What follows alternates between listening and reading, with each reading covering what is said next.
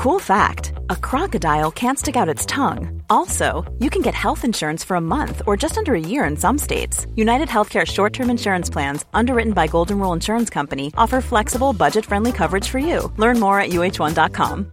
Hey, I'm Ryan Reynolds. At Mint Mobile, we like to do the opposite of what Big Wireless does. They charge you a lot, we charge you a little. So naturally, when they announced they'd be raising their prices due to inflation, we decided to deflate our prices due to not hating you. That's right. We're cutting the price of Mint Unlimited from $30 a month to just $15 a month. Give it a try at mintmobile.com slash switch. $45 upfront for three months plus taxes and fees. Promo rate for new customers for limited time. Unlimited more than 40 gigabytes per month. Slows. Full terms at mintmobile.com. Hallå! Simon Gärdenfors heter jag och snart börjar min podcast Arkivsamtal. Detta händer snart. Den 23 augusti så uppträder jag på Norra Brunn i Stockholm. Och då spelas tv-programmet Släng dig i brunnen in. Så kom dit och kolla. Den 26 augusti så uppträder jag på Raw Comedy Club med bland annat Carl Stanley och Måns Möller. Det är också i Stockholm. Sen veckan därpå, 1 september, då är det smygpremiär för min nya standup-timme Vesslan. Det är på Lund Comedy Festival. Jag kommer att turnera med den här föreställningen sen, efter smygpremiären, tillsammans med Anton Magnusson. Som kör sin fullängdsshow Benne. Man köper på turnén köper man en biljett till båda våra shower som vi kör efter varandra. Biljetterna har nyligen släppts så passa på att boka innan de tar slut. För det har nästan alltid blivit slutsålt när vi kört grejer ihop. Det brukar bli både populärt och mycket trevligt. Ni hittar info och länkar till de här biljetterna och alla andra gig jag har på gardenfors.com. Och städerna jag kommer uppträda i framöver är Malmö, Stockholm, Lund, Göteborg, Sundbyberg, Motala, Linköping, Kristianstad och Växjö. Tillkommer fler städer också snart. Och en sak till. För att jag ska kunna fortsätta med Arkivsamtal till hösten så behöver jag få in lite stålar. För att kunna ha tid och prioritera någonting som inte ger så mycket betalt annars. Jag har en Patreon-sida och tack vare er lyssnare så har vi redan nått upp en bra bit över hälften av målet. Så nu gäller det bara att några till, kanske hundra pers, går in och supportar med två dollar per avsnitt. Så är målet nått i ett nafs. Jag uppskattar alla som supportar jättemycket. Tack för det. Men nu sätter jag en deadline och det är den första oktober. Om vi inte nått målet då så tar jag en paus och återkommer om jag når upp till Patreon-målet. Så in och supporta nu. Om just du tänker att, ah vad fan, jag går in och kör. Då kommer podden fortsätta ostört. Pausa podden, gå in på patreon.com arkivsamtal. Alltså patreon.com arkivsamtal. Och säg tack för fem år av skoj.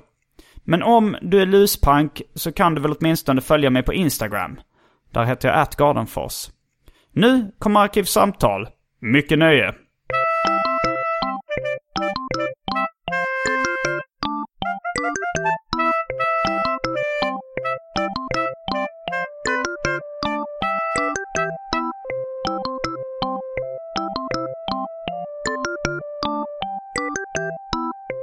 Hej och välkomna till Arkivsamtal.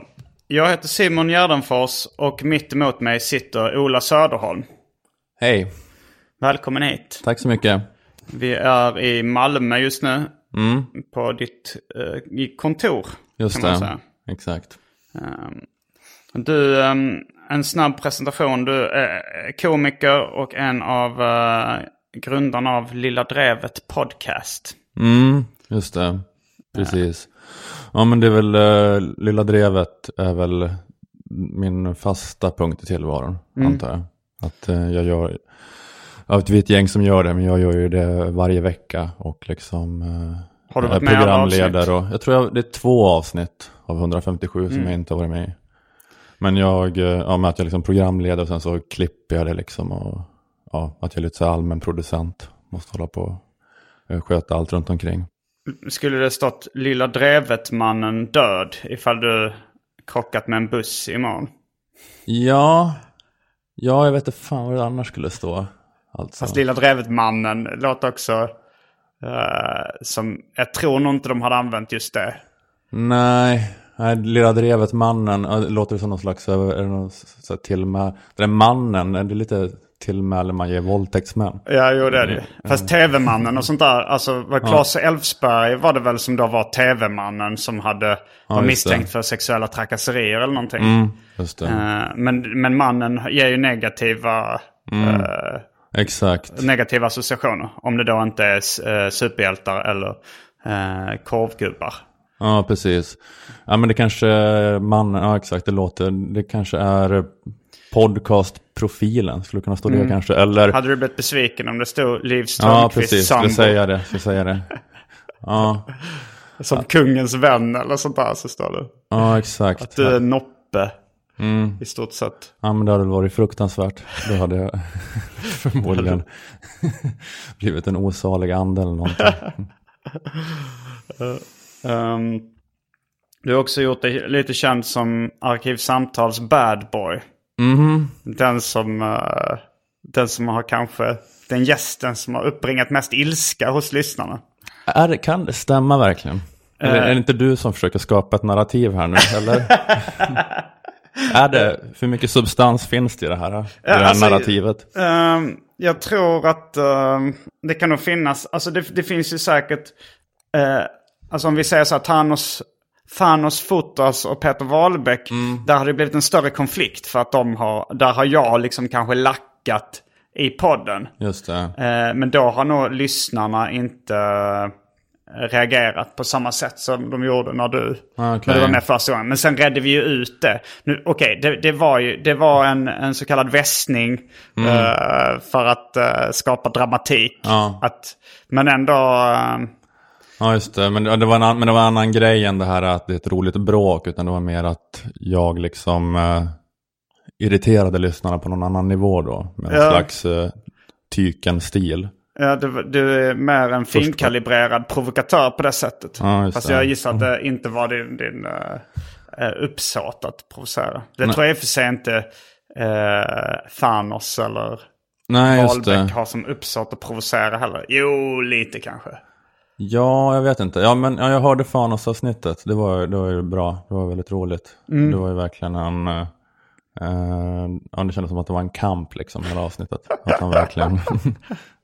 att ni skulle knäcka varandra. Jag är, det är rätt varmt inne, rätt törstig. Mm. Så jag tror det har blivit dags för det omåttligt populära inslaget Välj drycken.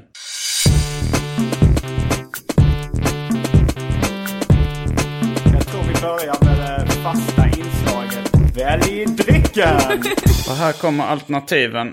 Då har vi Celsius vattenmelon sockerfri. Vi har Fanta Zero med apelsinsmak. Lättdryck. Det är från, di, det är från ditt kylskåp. Ja, exakt. Vad Ja, det var, jag hade inte alls planerat för väljdrycken här. Men i kylskåpet här på mitt kontor tror jag att det finns eh, fläderbloms bob lättdryck Mm. koncentrat. Som jag tror kanske bara räcker till ett glas till. Och för tråkmånsar och nöjsare vatten. Just det. Eh, Vad väljer du? Är det här uh, någon slags energidryck eller? Där- Nej, Celsius. Jag vet inte om det, det är vitaminberikad, det är ingefära, grönt te och det är koffein också. Så, eh, och eftersom koffein är den enda aktiva substansen som har bevisad effekt i eh, energidrycker så skulle man nog kunna kalla det för det. Fast samtidigt skulle man då skulle kunna kalla Coca-Cola för energidryck också. Ja, just det. Det är koffein i Coca-Cola. Ja. Ja. Och kaffe. Okej. Energidrycken kaffe. Ja. ja, men det, är- det är ju...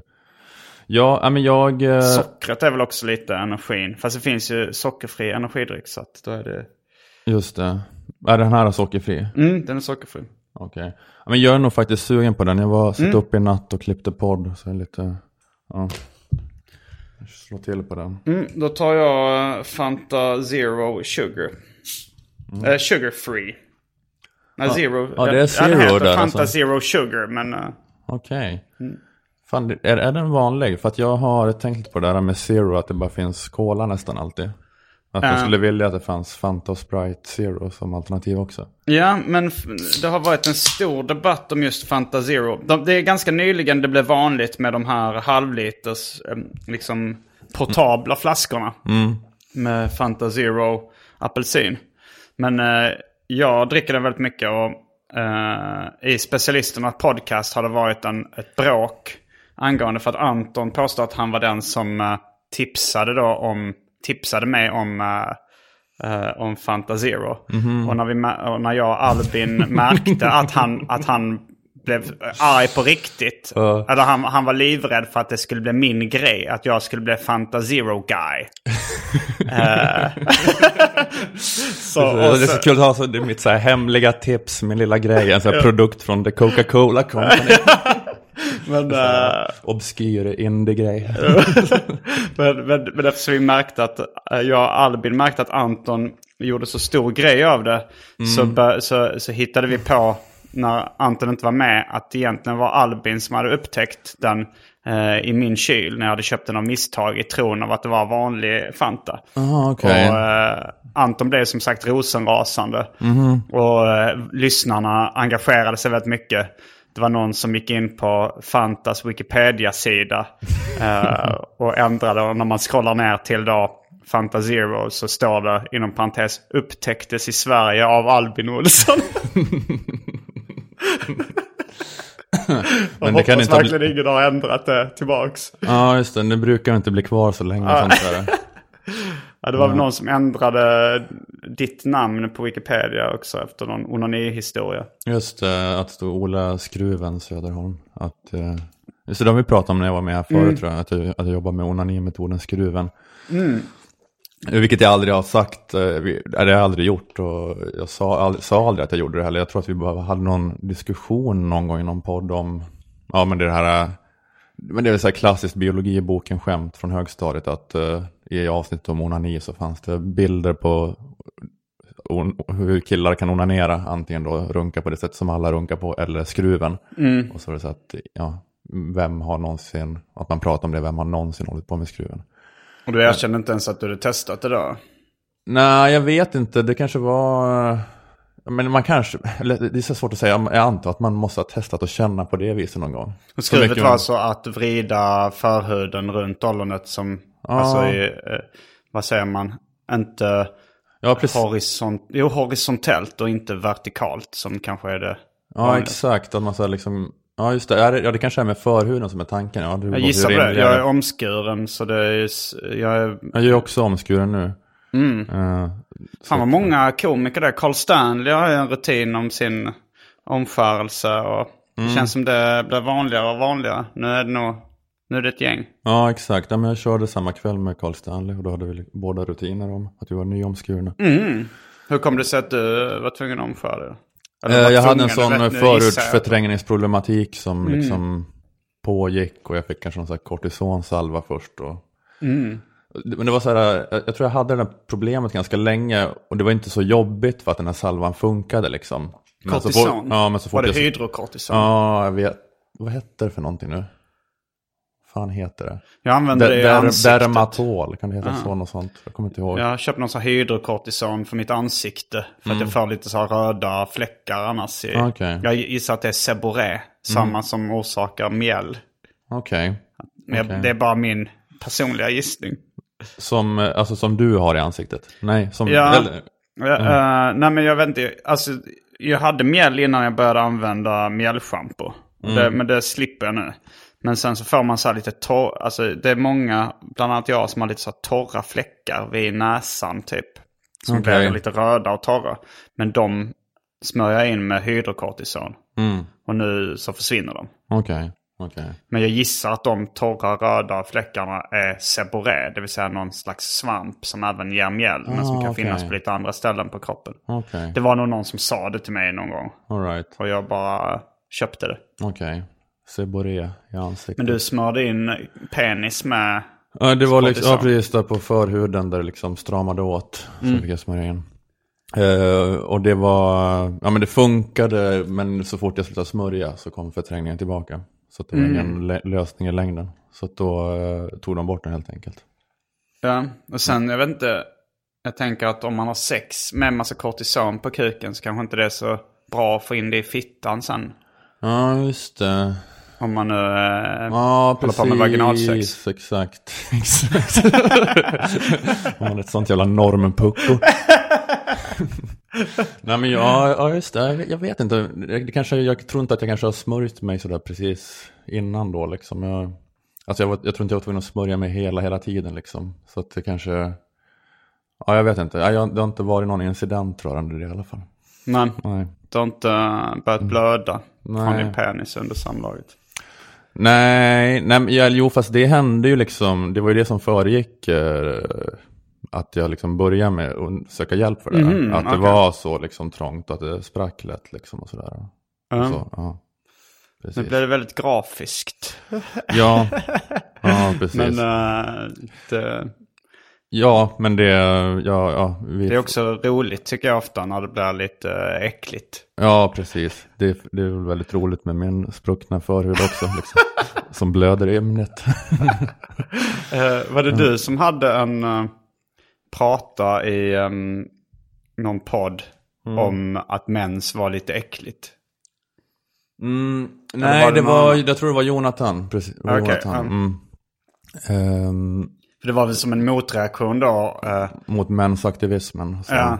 Ja, för, men det var i tankesmedjan. Mm, Eh, ja, exakt. Ja, men jag kommer ihåg det att ja, men han gjorde den här poängen då att eh, det, det är, att, jag tror det var så två saker, det är inte så mycket tabu som ni säger att det är, eller något sånt där. Och det är inte heller helt oäckligt. Nej. Det är lite äckligt att smörja sig i ansiktet med. liksom och så.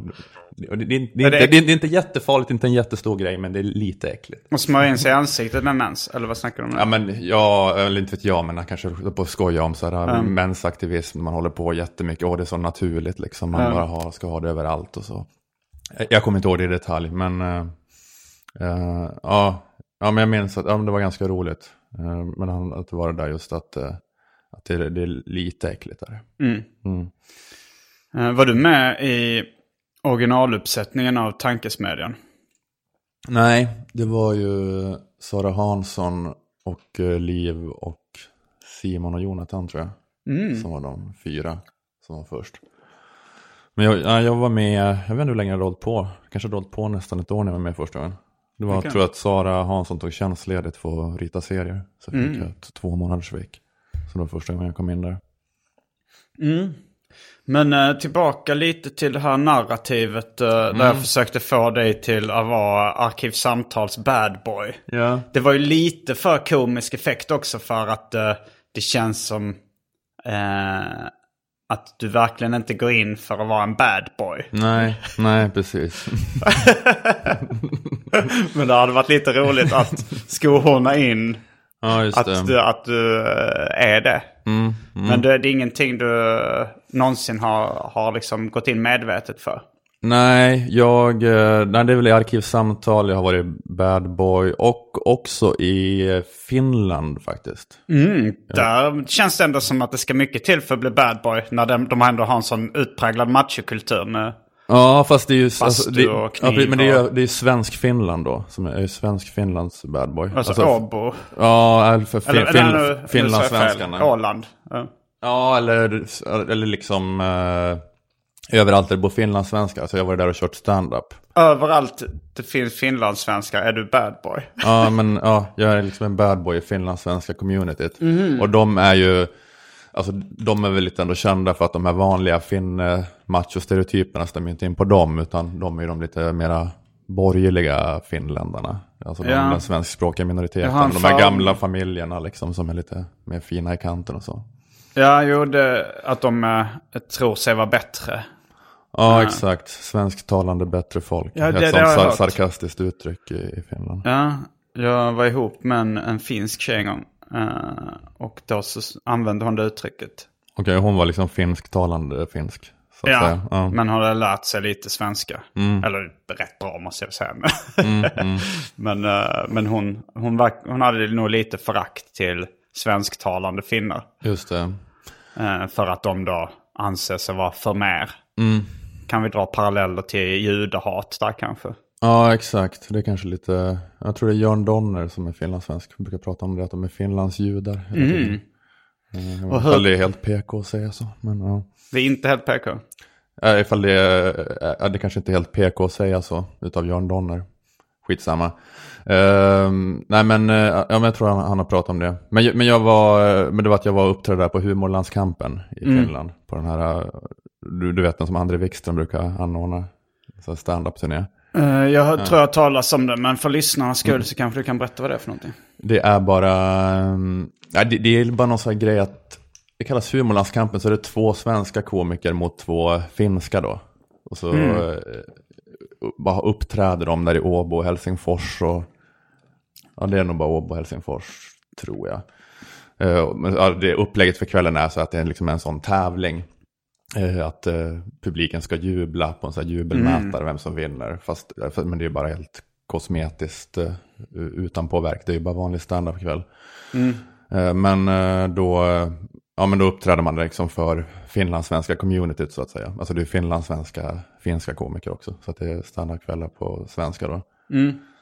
Men då hade jag någon, jag hade någon rutin för massa år sedan som hette Mongokungen. Eh, Som var, eller hette, jag vet inte varför. så att, som att en standardrutin har ett officiellt namn.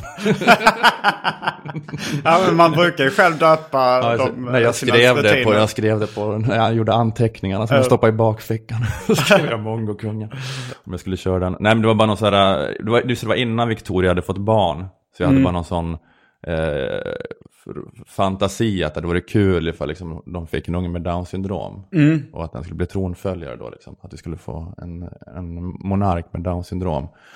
Och Du hade, hade ju kunnat ha eh, det allittererande mongomonarken. Mm, Men eh, just det, du gick en annan väg. precis. I ditt ino- inofficiella namn du hade i bakfickan. Ja, exakt, exakt. Det kanske hade varit bättre känsla i mongomonarken. Um, Um, men eh, ja, då bara eh, att jag, eh, att den togs sådär väldigt illa emot i Finland, den rutinen. mm. På Svenska Teatern i Helsingfors. Eller det var ju liksom, folk skrattade men det var upp, tydligen många som blev upprörda också. Att det var en insändare sen i Hufvudstadsbladet om hur hemskt det hade varit att hade, hade dragit det där skämtet.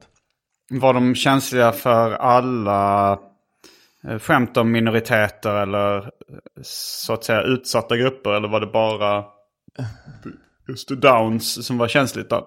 Ja, exakt. Eller liksom ifall det var eh, att de var känsliga för majestätsbrott. Jaha, Att, ja. det, det, att man det pissar var, på eh, kungen. det var lite... eh, monarkin. En, eh, det tänkte jag inte ens på att det skulle kunna vara det. Det skulle kunna vara en möjlighet, fast eh, jag, jag vet inte. Jag läste aldrig den där Aha. eh, insändaren. Hur kommer det sig att du inte läste den? Jag tror, inte, jag tror inte den gick att hitta på nätet och eh, eh, det var liksom en, eh, min mosters man som är finlandssvensk och brukar läsa Hufvudstadsbladet tror jag sa det till mig. Och jag bara kände så här, där- jag fick bara någon sån känsla jag ville inte veta.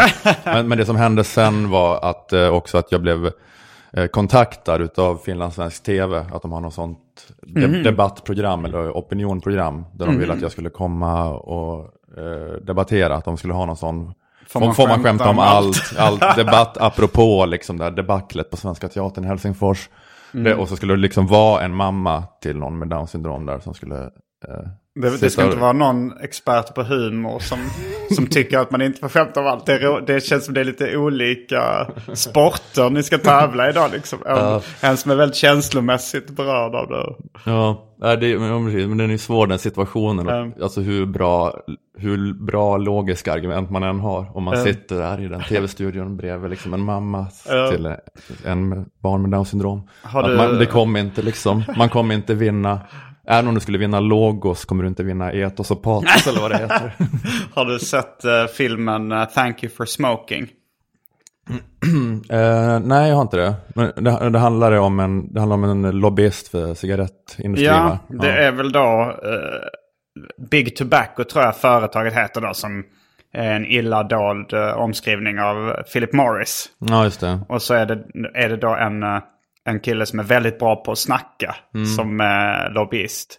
Han liksom är i någon sån här tv-debatt då när det är, då är det han mot ett barn som har drabbats av, jag tror det är ett barn som har drabbats av lungcancer från passiv rökning. Ja.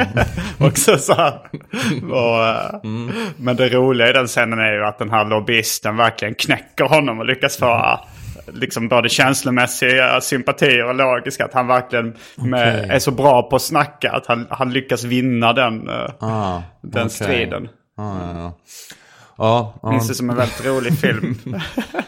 ja, jag har, tror inte jag har det självförtroendet att jag sätter mig i finlandssvensk tv. och bara och verkligen knäcker en mamma till en Ja. Downs syndrom. Nu ska göra någon sån riktig Aaron Sorkin speech om yttrandefrihet här liksom. Bara krossa henne. Det kommer inte hända. Jag kommer inte klara det. Ehm, Men då blev du bad boy i Finland. Ja, men för jag blev också, en, jag var där en gång senare på någon uh, turné eh, också. Och då blev jag intervjuad i Vasabladet som är tidningen i Österbotten. Och då minns jag också att det var vinkeln att jag var liksom bad boy. Och att jag provocerade med mina farliga och Men har de, inga, har de inga andra provokativa komiker? För det känns ju som att om du går ner en kväll på Big Ben i Stockholm. eh, då, kommer du, då kommer tio av komikerna ha eh, grövre rutiner än den rutinen som jag då valt att kalla mongomonarken. Ja, just det. Du vet ju inte exakt hur den var i och för Nej. sig, men... ja, Nej, det vet jag inte. Men Nej. bara gissa. Jag har ju hört, alltså jag gissar väl ändå att eh, alltså, du, eh, du, du är inte helt familjevänlig alltid. Men jag har heller aldrig hört dig bara så stå och vara så vidrig på en scen liksom. Nej, precis. Fast jag, jag tror att jag kan eh, alltså, provocera folk mer på ett sätt för att jag är ändå lite vidrig ibland och sen så har jag liksom en sån ingång ändå som är att jag kanske gillar att göra humor som ändå bygger på att jag tycker att det här är sant, jag menar vad jag säger liksom. Ja, just det. Så att eh, om, eh, ja, om man säger som du Anton Magnusson att ni kanske då har den här tydligare vidriga karaktären på något vis. Och då, då får man lite här mandat att säga vad som helst. Men jag kanske är så här att ja, men jag vill att ni ska tycka att jag är vettig bitvis. Och sen då ifall jag liksom eh, trycker på med någon säg, hårt ironisk sexism eller rasism eller någonting. Så kan det bli lite svårare. Eh, jag kanske blir så lite blir svårare, med kommunika- Ja. kommunikativt kan det bli lite svårare ibland tror jag. Ehm, Jo, det stämmer nog. ja. jag kommer inte ihåg, det var så länge sedan jag körde den här rutinen. Slutpunchen var han skulle heta Karl den 17 Joel Bitar. Jag kan säga den i alla fall, får ge en liten bild av det, hur den var. Men eh, skulle du, jag tänker så här att bad boy är ju en ganska, kan ju vara en positiv grej också, att det är lite sexigt att vara en bad boy. Är det, är det viktigt för dig att vara sexig?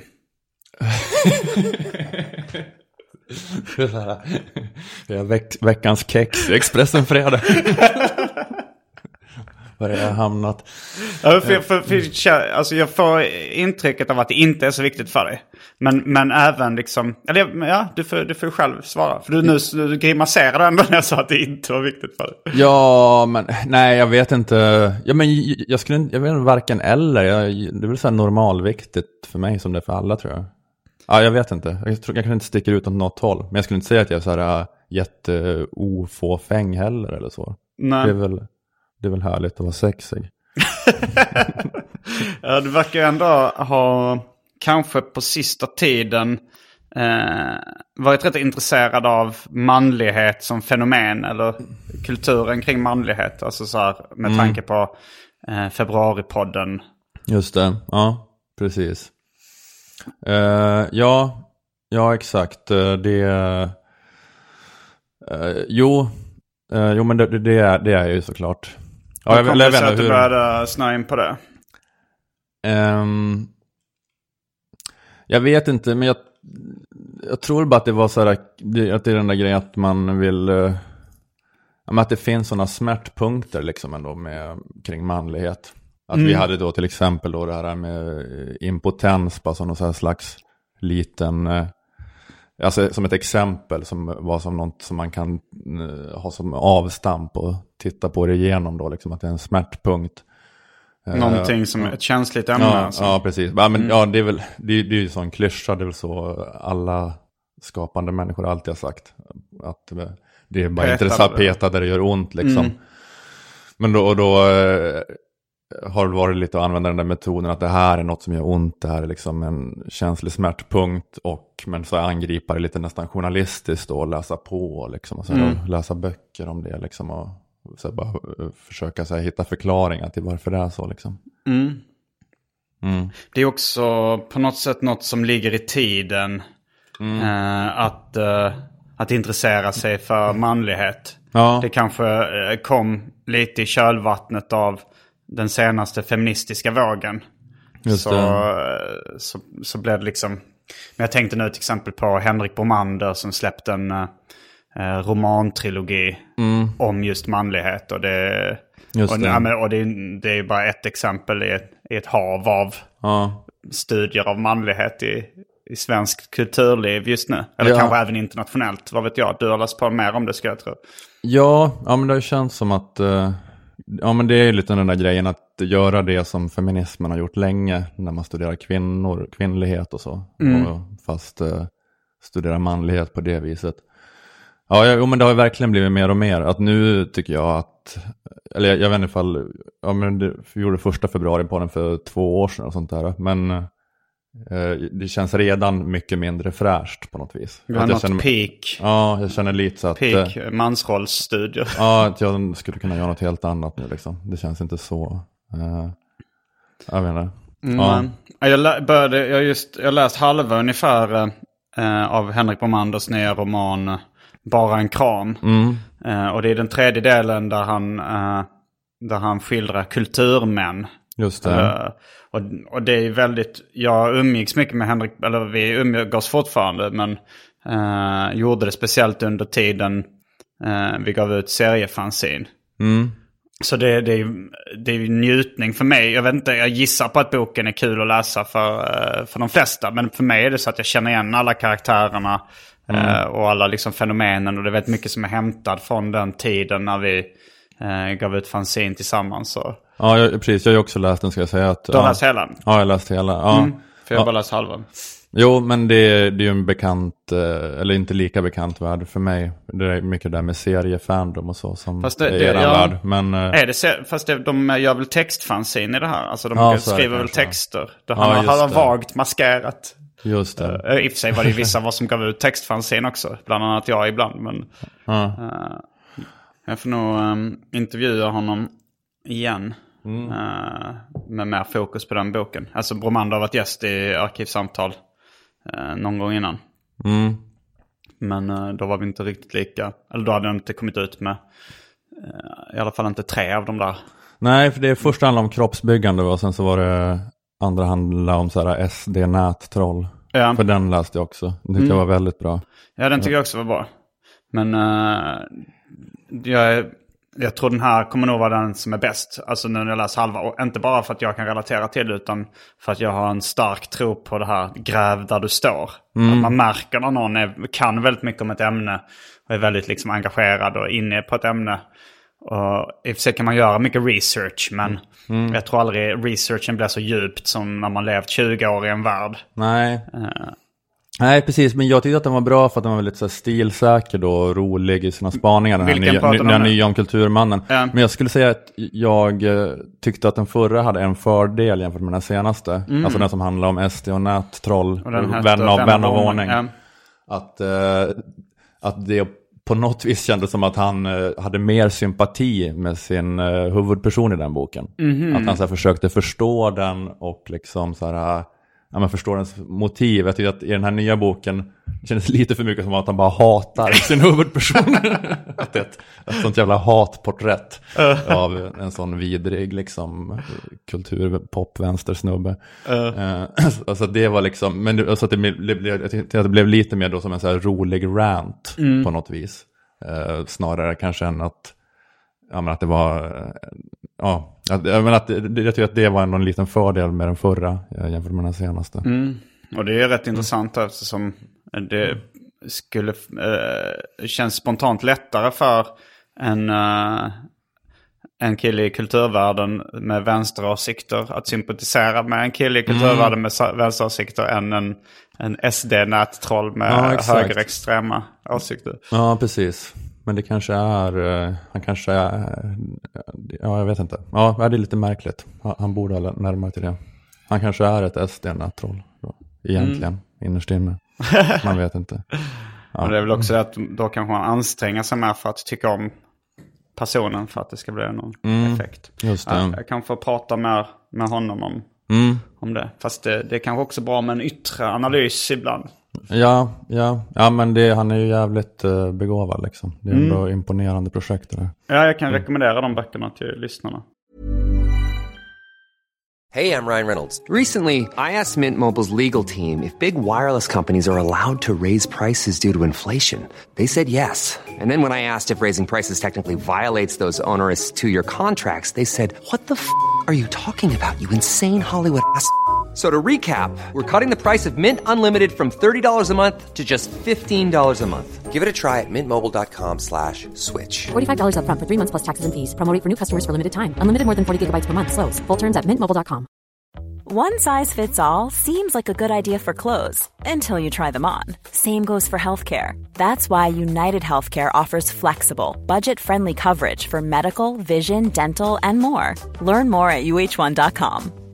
Hiring for your small business? If you're not looking for professionals on LinkedIn, you're looking in the wrong place. That's like looking for your car keys in a fish tank.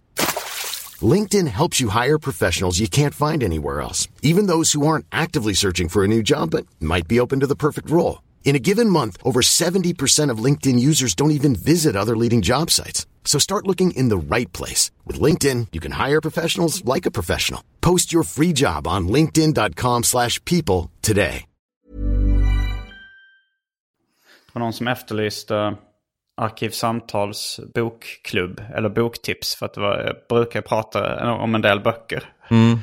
Eh, och då är Bromander det senaste läsningen i den bokklubben. Om, som, om det nu finns. Vad läser du själv för böcker för tillfället? Eh, jag, uh, fan är det, jag har läst massa olika böcker känns det som. Jag läste uh, Norm MacDonalds uh, Based on a True Story. Han är kom, ståuppkomiker. Ståuppkomiker precis. Ganska världens, hyllad, världens roligaste nästan skulle jag säga. Men då, då läser du en bok, det är hans självbiografi? Eller? Ja, det är inte det. Den heter, eh, den heter Based on a True Story, så heter den A Memoir. Fast jag tror den heter Not a Memoir inom parentes. Men den är liksom skriven som en självbiografi. Eh, Men man märker alltså snabbt att det liksom bara är en så här vansinnig skröna. Mer. Att eh, alla så här historier är bara urspårade och flippiga. Ja, det är lite ovanlig form av självbiografi. Ja, det, det, alltså det är ju mer som en eh, komisk roman än en självbiografi. Eh, så att det är liksom eh, massa, ja men det är bara massa vansinniga skrönor. Men, ja, men den är jävligt rolig. Sen så en del av mig kanske hade tänkt att det hade varit ännu roligare om eh, eh, han hade gjort en vanlig självbiografi. Och Ja. berättat roliga anekdoter eh, som sig själv. Och bara, Ja, det är svårslaget tycker jag. ja, det är När man, man får den autenticitetskänslan. mm, ja, man gillar ju det också. Helt klart. Men så har du, har du lämnat uh, studierna av mansrollen nu helt och hållet? Ja, jag vet inte riktigt. Jag, jag, jag köpte en bok om eh, sexmissbruk som jag funderade på att börja läsa. Men jag har inte börjat med det ännu. Det låter som ett ganska roligt ämne. Mm, Eh, för det, alltså, jag har väl initialt en ganska föraktfull inställning till det här. Alltså ungefär, alltså så här, jag, jag himlar lite med ögonen när någon pratar om sjukdomen alkoholism. just det. säga att, att, att, att liksom okritiskt bara säga att det är en sjukdom, alkoholism.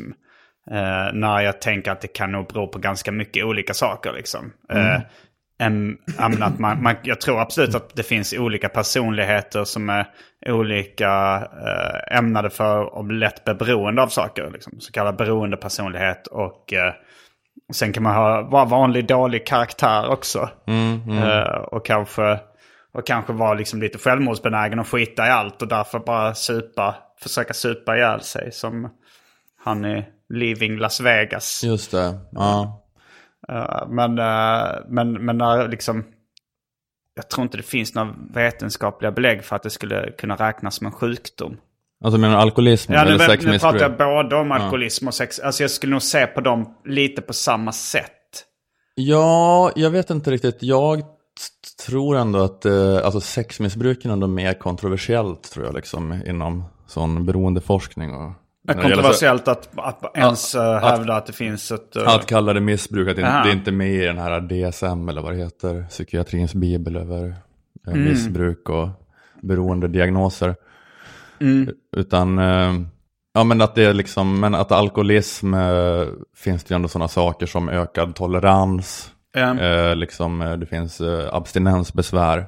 Mm. Och jag menar det har man inte kunnat liksom påvisa med så här brain scans och så på samma vis när det gäller sexmissbruk. Nej. Att, alltså det är inte liksom att om du är så här, du, får inte den fysiska reaktionen som du kan få av abstinensbesvär och inte ha det. sex, även om du kanske är väldigt beroende på ett psykologiskt plan. Mm.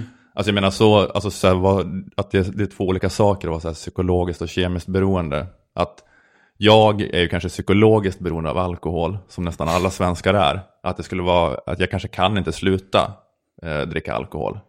Eh, för, på, alltså, på, alltså på någon nivå för att det är så, här, så mycket en del av ens kulturella beteende, att det är så man slappnar av på helgen. Och, nej, det är klart att jag skulle kunna, men det skulle vara väldigt svårt. Eh, men jag är inte liksom kemiskt beroende. Jag skulle Nej. aldrig få, om jag slutar dricka så skulle jag aldrig få någon reaktion på det. Förutom bakfylla då. Ja, just det. Ja, men, men, att, men att det är, eh, men att det finns liksom den här, eh, det är väl det sådana som liksom kritiserar det här och kallar allt för beroende. De, de som brukar kritisera det, att när man kallar allting beroende, brukar prata om det, att man måste liksom kunna skilja på de här två olika, vad, vad man menar med beroende. Att du är liksom så här, psyko, att du säger jag är beroende av att kolla Facebook, men det är inte liksom, du får inte abstinensbesvär du, om du inte gör det liksom. Jag läste faktiskt på om det också. eh, För väldigt, väldigt länge sedan så, eh, så hade jag en, eh, ett matfanzin på nätet. Som idag kanske skulle kallas för blogg. Men eftersom det här var eh, i, precis runt millennieskiftet så det. kallar vi det för matfanzin. Det hade Just inte, eller så att nätfanzin kallar vi det kanske. Det, ordet blogg hade inte riktigt blivit vanligt då. Det var faktiskt tillsammans med nyss nämnda Henrik Bromander och även Johannes Nilsson. Eh, och då så, min storebror som var gästskribent där någon gång också. Och då nämnde han eh, någonting om att chili var beroendeframkallande. Alltså, för det är ganska inom eh, chili och jalapeno-fandom. Så är det en ganska vanlig grej att man säger att, det, att man blir beroende av liksom. Okej. Eh, för det finns ju vissa, eh, vissa likheter med ett beroende. Eh, då att man, man får en ökad tolerans och man Ja, kanske liksom får en endorfinkick och man kan sakna det. Men då, då var det till och med någon, någon forskare som hade gått igenom, hade gjort en, en grundlig undersökning. Är chili beroendeframkallande? Mm. Och hans, eh, han kommit fram till att nej, inte enligt, jag vet, vad kallar du den här eh, eh, bibeln? Inom- DSM tror jag den heter. det kan varit där samma bibel Ja. som han refererar till. Ja, just Ju- det. just, för det fanns olika sådana hållpunkter, många av dem du nämnde. Mm. Det var det här liksom, eh, ja, får man abstinens och Mm. förlora kontrollen var nog också en, en punkt. Just det. Om man för, förlorade kontrollen över sin, Mm. sitt bruk av det. Eh, Just det. Det är Ja. ganska sällan någon förlorar kontrollen över sin chili-konsumtion kanske. Nej, precis. Det är liksom... Ja, men med den där förlora kontrollen kan man ju göra över vad som helst. Alltså, du kan ju, Ja. Det kan du göra med sex, eller du vet folk som har, du kan förlora kontrollen att du måste tvätta händerna hela tiden liksom, Mm. för att du har något sånt OCD-problem liksom. Fast det betyder ju liksom inte att kranvattnet är Nej. en beroendeframkallande substans. Men läste du, ut, eh, läste du en hel bok då om sexmissbruk? Nej, jag har inte gjort det. Jag, eh, när jag köpte den, ja, det, det var väl lite sådär åtanke att fortsätta med de här februaripodden-studierna. Men så har jag kommit av mig lite grann. Ja, det, det pratade vi om någon gång också. Att, eh, för att du har ju hållit på lite grann med, med tunnhårighet och hårtransplantation och kört stand-up om det. Ja, Och, eh, det var... Du satt i publiken en gång på Specialisterna eh, Comedy Club där jag hade ett, eh, ett specialsätt om då tunnhårighet. Och, Mm. Ja. och du... Eh, pratade vi om det förra gången du var gäst eh, i Arkivsamtal? jag tror inte det. Ja, det kanske var efter det. Nej, men då kom du fram och, och sa att du hade funderat på, eh, på det också. Just det. Just det, jag hörde, om, jag hörde avsnittet Specialisterna när ni pratade om, om din om Ja, tunnhårighet special. Just det, precis. Den, eh, Och då sa du att, eh, du, sa- du sa då att jag hade kommit fram till det och sagt att jag har funderat på det också. Mm. Och att du var osäker på ifall jag menar fundera på att göra en hårtransplantation eller prata om det i stand-up och så. Mm. Men det, jag kan alltså förtydliga att det var att prata om det i stand-up och podd som, som är det jag har funderat på. Mm. Eh, Att det, ja, men att det bara, jag tänkte att, att det var ett liksom, eh, bra ämne också när det gäller sån smärtpunkt. Mm, verkligen. Men uh, tyckte du att det var, ämnet var taget då av specialisterna redan? Nej. Eller... Uh... Nej, nej, nej, nej, nej, nej. Det, det tror jag att man kan måla på om då. Du började mm. aldrig läsa på om det då? Nej, jag har faktiskt inte kollat upp det. Jag vet inte riktigt ifall det finns så mycket litteratur och forskning om det egentligen. Forskning måste nog finnas rätt mycket ja. uh, kring. Exakt, alltså det finns väl mycket forskning kring liksom det alltså biolo rent biologiska, alltså mm. hur det funkar och så. Men jag har bara tänkt att, att det skulle vara intressant att bara läsa om det mera sociologiskt. Och, ja. Alltså hur det ses på liksom med tunnhårighet. Och, jo, ja. det hade varit intressant. Jag hörde, alltså det var en kompis som, som bara sa i förbifarten. Uh, uh, det här, där uh, George som jag samarbetar lite med. Vi ska, vi ska starta så här comedy roast battles mm -hmm. i Stockholm. Och han, och han, är, komp- han är barndomskompis med Fredrik Strage. Och, och ja, han... just det. Jag tror jag träffar den här människan. Mm. Vi har också några gemensamma kompisar. Ja. Och han sa någonting bara i förbifarten. Och sa, ja, Fredrik Strage sa att eh, 75% av mäns psykiska lidande beror på oro för tunnhårighet. alltså det, det, det, här är liksom fjärdehandsinformation mm. eh, som han kläckte ur sig i förbifarten och jag minns inte exakt siffrorna eller sånt. Men, men eh, det, det, var väl ungefär som att säga att en, mm. väldigt många män mådde psykiskt dåligt av uh, tunnhårighet. Ja. Ja, exakt. Ja, men det, det låter ju lite överdrivet. Men det, men, ja, men det är verkligen, om man ska prata om smärtpunkt så, så är det någon bra, eh, då, då är det ju verkligen en sån som man kan pilla på. Mm. Ja, nej men det är ju, ja men jag, jag vet inte, jag, jag har ju liksom varit en sån ändå, att, eh, att jag liksom också har nojat över det där och ägnat där, ganska mycket tid åt att hålla på och googla liksom och läsa på sådana forum. Mm. Och så. Och där det, det känner man ju verkligen att det kan vara, det känns som en vandring in i mörkrets hjärta ibland nästan. När man är inne på de här diskussionsforumen. Alltså att fan vad mycket, mycket lidande det är här alltså. Men, eh, men det är ju ett eh, intressant ämne. Och jag har ju hört folk, alltså ämnen som impotens vet jag i och för sig inte om det är för känsligt. Men, men jag kommer ihåg att jag pratade med eh, Lisa Eriksson ståuppkomiker när vi började med stand-up. Och hon, eh, hon klagade lite på liksom den gamla typen av stand-up som hon kallade, ja men hon sa så här, det är kanske så här eh, eh, medelålders män som pratar om tunnhårighet. Mm. Och det kunde jag inte riktigt relatera till. Nej. Alltså jag hade, för då kände jag lite att så här, det hade jag gärna velat höra. Ja. men, jag har, men jag har inte hört. Uh, Nej. Inte, det finns inte så mycket uh, skämt om det och inte så mycket poddar om det som jag har hört. Nej, exakt. Nej, jag, jag tycker, inte, jag tycker också att det känns som något som... Larry ett... David verkar ju vara fixerad vid det i och för sig. Uh, sin tunnhårighet. han Ja, men mm. Många avsnitt av Kirby Enthusiasm och uh, då George Costanza i Seinfeld mm. är också väldigt fixerad vid sin tunnhårighet. Det är att Larry David uh, vann en Emmy för Seinfeld och mm. gick upp på scen och sa att uh, det, här är, det här är ju jättebra men jag är fortfarande skallig. Mm. Och så gick han av scenen. tog emot den. Ja. Jo, han är väl den som kanske har varit mest fixerad av det, av dem jag har. Ja, ja precis. Ja, exakt. Ja, men det, det, ja, det, det, det, känns ju som att det ändå, det absolut vanligaste är ändå att det är ett så lidande som män bär i tysthet. Om de nu ens lider av det liksom. Jag, jag tycker inte heller att jag har hört så mycket. Inte, inte alls någon standup om det nästan. Inte i Nej, Sverige. Det, men det är konstigt ändå. Fast frågan är, alltså det, det är en balansgång med de här smärtpunkterna. Mm. När det plötsligt bara blir tragiskt och sorgligt och inte roligt. Men det är ofta när, uh, när, när man kan göra något kul av en smärtpunkt som det blir som roligast kanske. Ja, eh, ja verkligen. Ja, men att man känner av det där att det här är inte bearbetat. Det här är ett öppet sår för den här människan på scenen. Att då är det bara obehagligt. Mm. Men, har, men har du kört stand-up om uh, impotens? Uh, eller är det bara... Jo, men jag har gjort det lite grann tror jag. Mm. Lite grann, ja. Du berättade mm. vid något tillfälle också om att uh, du uh, i, till en början, vilket jag har hört andra komiker snacka om också, om att de till en början ansåg sig vara lite för fina för att uh, skämta om sex. Mm. Att det ansågs kanske lite billigt och sådär.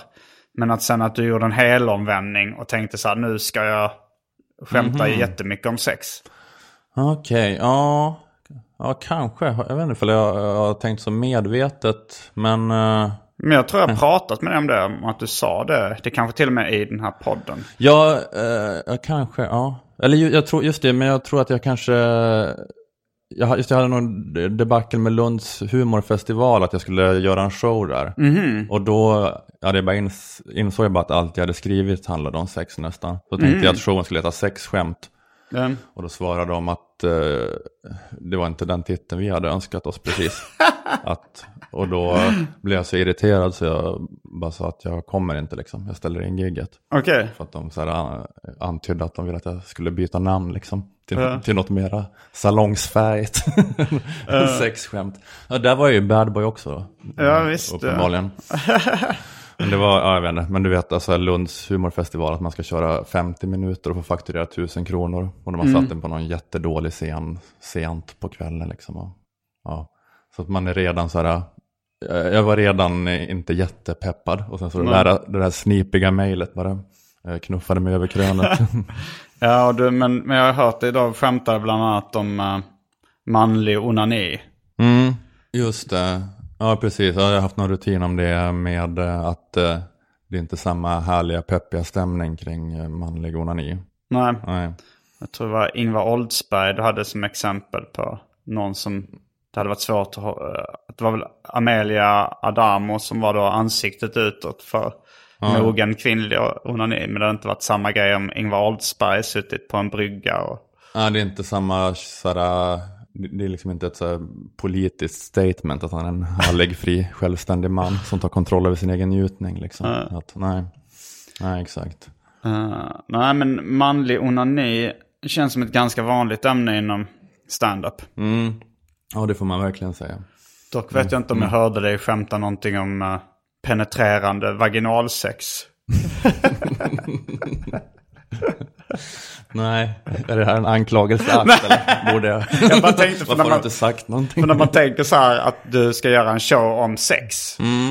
eh, och det mest normaliserande sexet kanske var det jag just nämnde. Eh, och då är det nästan lite konstigt att undvika det som är det som... eh, Ja, okej, men, men jag vet inte om jag... Men ja, fast när, jag tror i mina impotensskämt så nog, då har jag väl ändå pratat om det. Eller att misslyckas med det kanske då i alla fall. Att, eh, då, men ändå pratat om det som sexet man försöker ha. Eller sånt där. mm. Så ja. Jag tror även det var Marcus Johansson som jag läste i boken Jag bombade, hette den va? Mm, Där de intervjuar, eh, det är Aron Flam som är redaktör och det är massa intervjuer med olika komiker. mm, Eh, jag läste den boken innan jag själv började med stand-up. Eh, så jag kände inte så jättemånga då. Jag just visste det. bara vilka några var. Men då kommer jag ihåg att Marcus Johansson skrev det att han i början av sin karriär ansåg sig vara för fin för att dra sexskämt. ja, Att han det. tänkte att han skulle vara eh, en mer intellektuell komiker eller Mm, mm. eh, lite smartare. Inte köra, att det kan anses vara lite billigt på något sätt att skämta om sex. Mm, mm. Det kan jag tänka mig också att Lunds humorfestival, att det var det de tänkte. Nu ska vi boka Ola Söderholm som har en ganska eh, påläst eh, profil. Ja, fa, Och sen så sa, kallar du det sexskämt. Att, det, att de tänkte så, de blev besvikna på. Alltså jag har en känsla med Lunds humorfestival att de liksom inte vet vem jag är knappt. Att, Det är lite härskarteknik av oss nu att kalla dem för Lunds humorfestival när de heter Lund Ja. Comedy Festival. Men, Ja. Det var en jävla svidande slag i solarplexus. Nej men, men att de, Lunds humorfestival känns himla mycket att de, du de, fortsätter. Och felkörna dem. att de är, men det, det är väldigt mycket liksom eh, de här hipp-hipp killarna och, eh, eh, och liksom äldre generationen Ja, stand just det. ståuppkomiker. För att, eh, eller jag har fått det intrycket av att, att de, de förstår inte att sådana som vi till exempel har en egen scen nästan. Utan de tror Nej. att vi är lite, att, eh, Att, men vi bara några, att vi bara några, så här, några nya liksom som man kan sådär. Jag var tvungen att bevisa det för dem. Alltså så här, jag tror jag eh, fick nej på en föreställning två gånger. Eller tre gånger. Och sen fick jag minsta scenen och sålde ut den två gånger. Och sen fick en större. Just sålde ut den och sen nu är jag uppe på en, en stor, riktigt stor scen liksom. Ja, precis, precis. Ja, men det, det känns lite typiskt om att de hade inte koll på det, utan de tänkte att det här är en som tycker att det är kul att få komma och vara med backstage och träffa David Batra. Tji fick de. Jag Mm. tyckte inte det var kul att komma. Få komma. Jo, det, det är en rolig festival. Ja, Men jo. inte så bra betalt kan man ju, Nej, kan man ju nej, tycka. nej, nej. Men det, det är väl en så kallad, det blir ju här showcase-festival Mm. nästan. Ja, just det. Eh, som, eh, som känns som det har varit en konflikt inom uh, stand-up-communityt sedan begynnelsen. Det har kommit en tv-serie nu som heter I'm Dying Up Here. Ja, eh, som handlar om stand-up på 70-talet i Los Angeles. ja, jag har sett faktiskt fyra, fem avsnitt tror jag.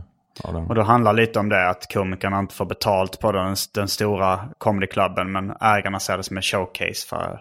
Just det. eh, Och det, det är baserat på verkliga händelser på Comedy Store. Ja, just det. 70-talet i USA. Att de, eh, det slutade med att de strejkade, strejkade Jay Leno och David Letterman och alla dem. Ja. Som var komiker där. Och eh, fick igenom att de skulle få betalt. Och då är det att, jag tror att det blev så att de fick 20 dollar per set eller någonting efter det. Eller om det kanske var 40. Men att, Mm. det var att, mycket pengar på den tiden. Ja, men att det har inte höjts alls sedan dess. Det har liksom inte justerats för inflation ens. Utan Nej. det har bara fortsatt eh, vara så. Så var det som eh, när man när jag började teckna serier också. Så Mm. på 80-talet så var det liksom svenska serier eller något sånt. Uh, betalade eh, kanske ja, men, 1500 kronor per seriesida. Just det. Och sen så under alla de åren jag höll på fram tills liksom eh, strax efter millennieskiftet. Mm. Så långsamt sänktes arvodet lite lite för varje år. Ja. eh, I, all, i, i liksom branschstandarden. Mm, mm. Eh, men det är, det är just den här... Jag gjorde då en eh, skämtteckning som, som kommenterade på den inställningen som vi diskuterar just i, i kulturvärlden. Där det är en, en prostituerad kvinna som ligger med en heroinspruta utslagen i en gränd. Och sen så är det någon slipskille som, eh, som står bredvid henne och säger så här. Betalt? Nej men det är ju ett bra sammanhang för dig att synas i också det här. Vi filmar och lägger upp på nätet när jag pissar dig i vrångstrupet. Bla bla kan leda till fler uppdrag. Bla bla. Och så vidare.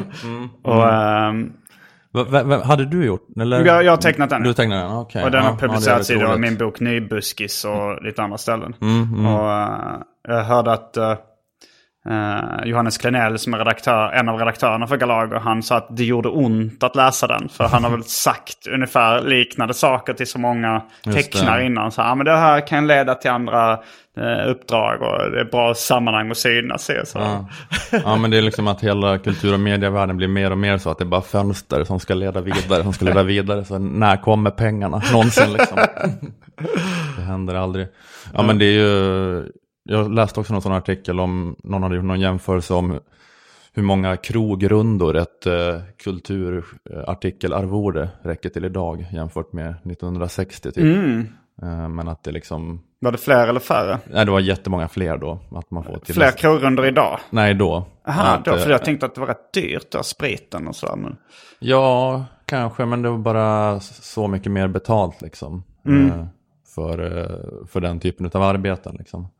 Eh, Så att, eh, att det är nästan, jag vet inte vad, men jag tror att det var liksom en femtedel eller en tiondel. Alltså så mycket krogrunda som man fick idag. Så att det, ja. Men har inte du, du har inte börjat se så mycket pengar ännu eller?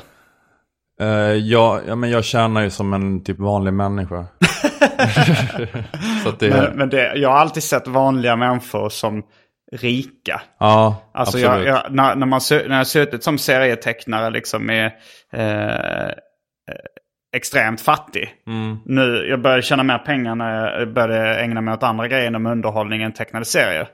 Men då kunde jag liksom koka av ilska när man, när man eh, sa sådana här, eh, ja men kanske eh, ja, men vanliga, en brandman eller en sjuksköterska eller någonting som, som klagar på sin 35 000 i månaden lön. Nu Ja, vet just jag inte om det är den lönen de har. Men det var så jag uppfattade det. Det här är ju tio gånger mer än jag tjänar. Ja, ja, ja. Men så det är verkligen att folk är så jävla fattiga liksom om de inte är eh, väldigt framgångsrika. Eller, ja, ja, men för, jag tänkte, i Malmö känns det som att det är så att alla som inte är kulturarbetare eh, som man känner är socionomer. Även de jobbar som socionomer. Men det men det är bara sån typisk yrke att det är så här, synd om dem. Liksom, att, eh, man pratar alltid om det, att de är underbetalda, socialsekreterarna och så. Men jag bara kommer ihåg det någon gång när vi var ute, att vi frågade, så här, men vad, vad tjänar du egentligen Kristin? Så, så 30 000 i månaden. Så, vad, 30? 30? Alltså för sådana liksom som sådär, du vet Högblom och Marcus Johansson. 30 000? 30? Liksom inte känna... Ja, men det finns ju på något sätt en ganska liten medelklass inom, ehm, inom underhållningsbranschen. Det känns som att man antingen luspank eller så har man slagit igenom. Det, det känns som det är först på sist, senaste tiden som det har börjat komma en liten medelklass inom, uh, in, alltså nu i och Men det är väl kanske den vi tillhör båda två. Ja, att det skulle vi- jag nog säga. Att man ja, har kunnat liksom poddsponsring och sådär. Och, Ja, och då kommer, alltså om man slår ut det så blir jag väl en sjuksköterska. Ja, men jag skulle också säga att jag är så sjuksköterska, lärare, något sånt där. i- Men, eh, men Morsnäll. är, man är en hot roller i den här branschen om man har en sjuksköterskeinkomst. Ja, ja, ja. man- ja. Ja, verkligen. Det är ju som mellankulturarbetare är ju liksom på någon slags eh, Bill Mm. Gates nivå nästan. Jo, jag hörde Värvet-intervjun med Per Hagman. eh, Som var, han var en av de få i Sverige som liksom Kronofogden hade eh, markerat som skuldsatt för resten av livet. Eller vad det var. Jag kommer inte ihåg vad det hette. Men, men, det, men det var, och då är han ändå liksom en av vår tids, eh, ja, men, jag ska inte säga mest kända författare men ändå. Ja, men verkligen en liksom, ja, är svinhyllad och så här, jätteälskad utav många. Ja, det, det är faktiskt, eh, ja, jag vet, men det är som att, då är det som att marknaden inte funkar liksom. I alla fall inte en, en så liten marknad som svenska språket. Alltså om en sån, alltså sån uppburen författare eh, inte har några pengar. Ja, men det är lite också för att den stora publiken har lämnat eh, eh, litteraturen. Mm. Till förmån till för andra konstformer. Ja, Alltså det finns ju, alltså det håller ju på att gå samma öde som poesi och tecknade serier. ja, just det. Eh, att det, det är fortfarande folk som läser det men, men, men för länge sedan så var det ju den stora underhållningsformen. Mm. Där Just kanske tv-serier och film och, och musik är nu. Mm. Rörlig bild. Precis, men det är också jävligt svårt för folk som håller på med musik. Eh, att, eh, alltså sådana som också är väldigt stora. Typ att, sån som Mattias Alkberg, eh, som jag, jag känner, eller har så gemensamma kompisar Ni är med. från att- samma ort. Ja, precis. Men att han, Luleå. Ja, han har liksom har inga pengar eh, fast han är en sån som alla inom eh, ett visst skikt gillar i alla fall. Att han är en av de största namnen. Och, men det där har väl i sig lite grann att göra också med skivförsäljningen. Att, de, att eh, musikbranschen hade en sån medelklass på 90-talet. Mitt emellan superrika och garageband. Som var sådana som kanske tjänade som en civilingenjör liksom, på den skivförsäljningen. Men nu eh, är, det liksom, är det borta. Eh, För att det, för det, eller det känns verkligen så att det är sådana som är ganska kända och ganska stora. Men det är så helt självklart att de har ett civilt kneg också. eh, Som håller på med musik. Och musikbranschen har inte riktigt eh, utnyttjat Patreon och sånt där på samma sätt som podd-Sverige. Nej, nej Ehm, kanske det. Och ja, det, det, jag tycker det är lite intressant att det är just... För du hade också någon rutin om tiggande mediamän har jag för mig. Aha, okej. Ja, men det, ja, det kan jag nog ha haft. Men det tror jag är en sån, då måste du ha råkat se den jag, typ enda gången jag testade den. Ja, det kanske det var. Ja, mm. Men vad handlade den spaningen om? Ja, men det var inte så roligt, det var bara så lite tråkigt skämt om tiggeri och eh, alltså tiggeri på gatorna och det här tiggeri som vi håller på med med Patreon och Swish-kampanjer och så. Ja. Jag kommer fan inte ens ihåg något, exakt hur den var nu. Det är väl ja, du kan väl tänka dig hålla på med sådana formuleringar om organiserat tiggeri och, och sånt. Ja. Ja. Nej, jag, för det är ju, jag, jag har ju ett komplicerat förhållande till det också. Det finns ju en viss skam inblandad i att tigga pengar av folk. Men, eh, men det är också så här, det, det är också det lättaste sättet att kunna på något sätt leva på det man tycker är roligt. Att så här, eh, be lyssnarna om hjälp med att få sin ekonomi att gå ihop med när man gör en podcast. Eh, har, har du någon podd som du, du har Patreon? Ja, ja ni har det för Ja, februari. Ja, jag var på februaripodden. Men den kommer ju så sällan så att det, ja, det, det är ingen stor del alls av min inkomst. Nej. Så jag har liksom inte tänkt på den så mycket. Men med Lilla Drevet har vi ju ingen sån finansiering. Utan då har vi ju pengar från Aftonbladet och från sponsorerna. Men eh, ja, jag vet inte. Det är ju något med hela den där crowdfunding-grejen. Att på ett sätt kan man ju säga då att man är helt oberoende. Eh, Och liksom... Ja, det är eh, ju en sanning med Ja, men det är modifikation. sanning med modifika- modifikation för att man är ju också väldigt så här... Att, det- det- man, jag tänker att det kan uppmuntra något väldigt så här sensationalistiskt i ens liksom skapande. Att man ska göra saker som får uppmärksamhet hela tiden. Och så här, att det kan också kanske styra en på ett lite osoft sätt. Mm. Kan jag tänka mig. Ja, jag gick igenom mitt, min företagsekonomi med min eh, mamma idag. Eh, hon hjälper mig med mitt företag.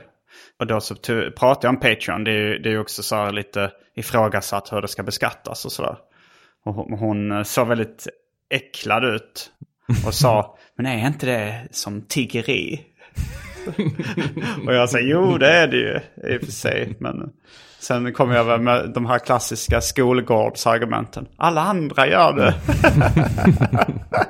Varför ska inte jag? Eh, men jag tänkte också på, för jag läste för länge sedan Olof Lagerkrans uh, August Strindberg-biografi. Har du läst den? Nej. Den är väldigt bra. Men där finns det ett stycke också där, eh, eh, där August Strindberg eh, är tvungen att, att crowdfunda sin, eh, sitt författarskap. Okej. Han, har, han är väldigt, alltså så här, han är ganska känd. Men han har bränt alla sina pengar och jag tror han då även bor utomlands. Och till slut så bara så, så måste han eh, tigga från vänner och, och jag tror- tror till och med han liksom kanske gör en offentlig Sätter han in en typ en annons i Ja, tidningen sånt så skick, skicka pengar. Och sen finns det då dagboksanteckningar från Strindberg eller brev då där han beskriver den fruktansvärda skammen han känner för att han har sänkt sig så lågt som att tigga. Ja, just det. Eh, Men det är, ändå, det, det är ju ändå kanske lite trösterikt då att när jag såg min mammas besvikna min att även Strindberg var tvungen att göra det på sin tid. Ja, exakt. Att det, det, det säger inget annat än att du är en nationalskald. Nej, de, August, äh, Arkivsamtal, det kommer bli, det kommer bli 10-talet, 2010-talets bok av August Strindberg. Som jag inte kommer på titeln på nu, men väldigt hyllad. Hemsöborna ser vi. Ja, precis. Kanske med Röda rummet. Skulle jag gissa. Ja. Eh, har du läst mycket Strindberg eller? Eh, nej, det har jag inte gjort. Uh, tvingades att läsa Hemsöborna i skolan tror jag. Men sen gillar jag att läsa biografier väldigt mycket. Så då läste jag eh, den här Lagerkrans-biografin om Strindberg som jag tyckte var skitbra. Mm, mm. Ja. ja Du då? Ja, jag, jag läste en dåres försvarstal nyligen. Men jag tänkte på den, ja men just i och med att du gillar med biografier och det som liksom är det äkta och så. Mm. så att, att den är så himla modern på något vis med hela den här autofiktion-trenden och så. Att eh, det Alltså bara är... autofiktion. Ja, brukar man inte kalla det det som Knausgård håller på med. Och. Självbiografi. Ja, självbiografiska. Autobiographical. Ja. Mm. Men eh, att den, eh, det bara är en sån himla rak beskrivning av hans här, sinnessjuka relation med Siri von Essen. Den, den En dåres försvarstal? Ja, en dåres försvarstal. Eh, jo, men han... ehm, Strindberg är ändå en förgrundsgestalt inom självbiografisk litteratur. Alltså jag, när jag var i USA och var på en seriemässa. Så var det, snackade jag med någon förläggare då som höll på med eh, att ge ut självbiografiska serier. Och då så, när jag bara, bara nämnde att jag var från Sverige så började han berätta att han hade skrivit en avhandling om Strindberg när han pluggade litteratur. Liksom, För att han var så intresserad av självbiografi. Och nu var det inte så att eh, August Strindbergs huvudkaraktär hette August Strindberg utan ofta Johan Men att det var ändå väldigt tidigt med att vara så, att det var så uppenbart nära hans liv. Ja, alltså han, ja, han, är, så, han är ju hänsynslös på det viset. Liksom, Verkligen. Med, med sitt, eh, ja, att, att han bara kör på. Men det, men, det, men det är intressant att man pratar om det som en sån ny trend. Men det känns, jag får så känslan av att nästan alla, eller väldigt många sådana klassiska romaner och så stora romanförfattare har haft den där hänsynslösheten. Och liksom blivit belönade för den.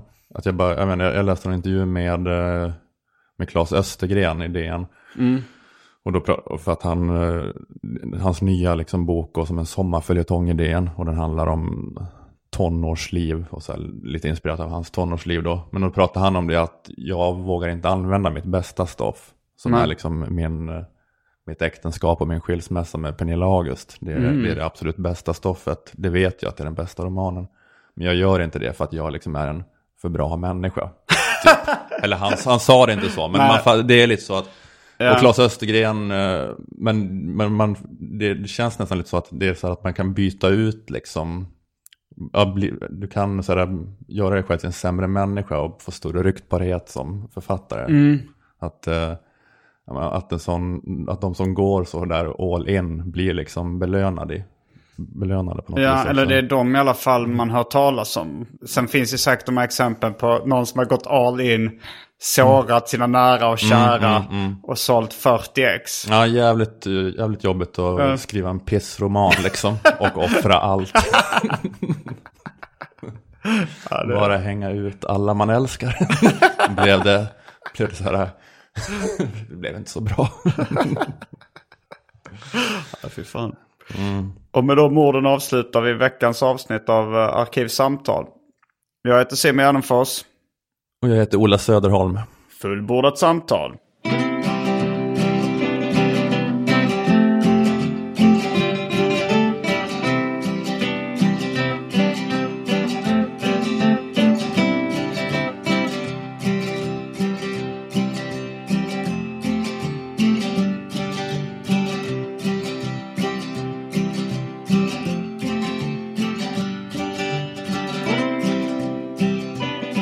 Tack till min klippare Marcus Blomgren som driver Sveriges minst uppskattade Instagramkonto under namnet Marcus Brumgren. Missa inte det. Even when we're on a budget, we still deserve nice things. Quince is a place to scoop up stunning high-end goods for 50 to 80% less than similar brands. They have buttery soft cashmere sweaters starting at $50, luxurious Italian leather bags, and so much more. Plus, Quince only works with factories that use safe, ethical, and responsible manufacturing. Get the high-end goods you'll love without the high price tag with Quince. Go to quince.com slash style for free shipping and 365-day returns.